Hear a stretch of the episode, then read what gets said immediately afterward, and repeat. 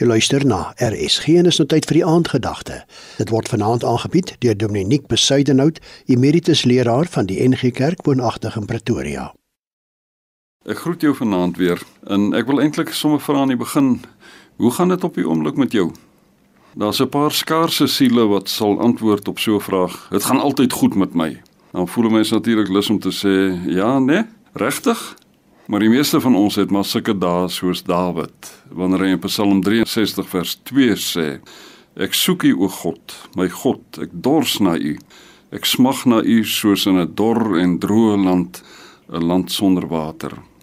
Want daar is soms maar die tye in ons lewens wanneer moeilikhede of bekommernisse of konflik of wat ook al die lewe uit ons uitwring en ons leeg en moedeloos laat wanneer dit deel is van ons lewe of dalk het hierdie week tot sover al jou kragte opgebruik. Dit is goed om raak te sien hoe Dawid daarop reageer.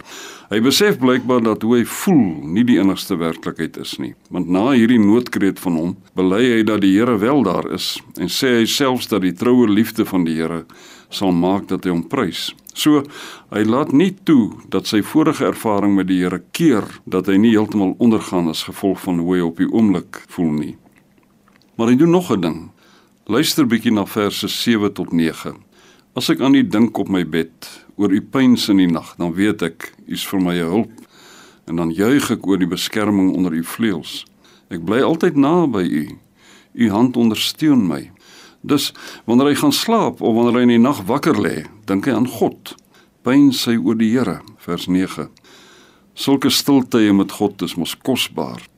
Die Duitse teoloog Helmut Thielicke het iewers geskryf As die Here kom, kom hy met die voete van 'n duif en ons moet stil wees. Dan kan die lewe sommer weer anders lyk en kan ons dalk weer uiteindelik sê, dit gaan goed met my. Gebruik dus maar daardie nagtelike ure van wakker lê of ander tye waar 'n mens stil en rustig tot die Here kan nader. Dit kan jou ook dalk bring tot 'n nuwe besef van die Here se teenwoordigheid en hulp en ondersteuning. Dis natuurlik die pad wat Jesus ook geloop het in sy lewe van lyding. Stil word met sy Vader en nuwe krag kry te midde van die harde pad wat hy moes loop. Sal ons hom nie maar hierin volg nie? Ons is nie beter as hy nie.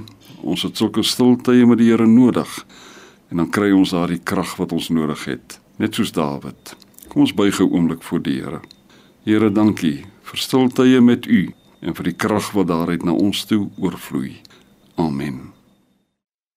Die aandgedagte is vanaand aangebied deur Dominiek Besuidenhout, emeritus leraar van die NG Kerk woonagtig in Pretoria.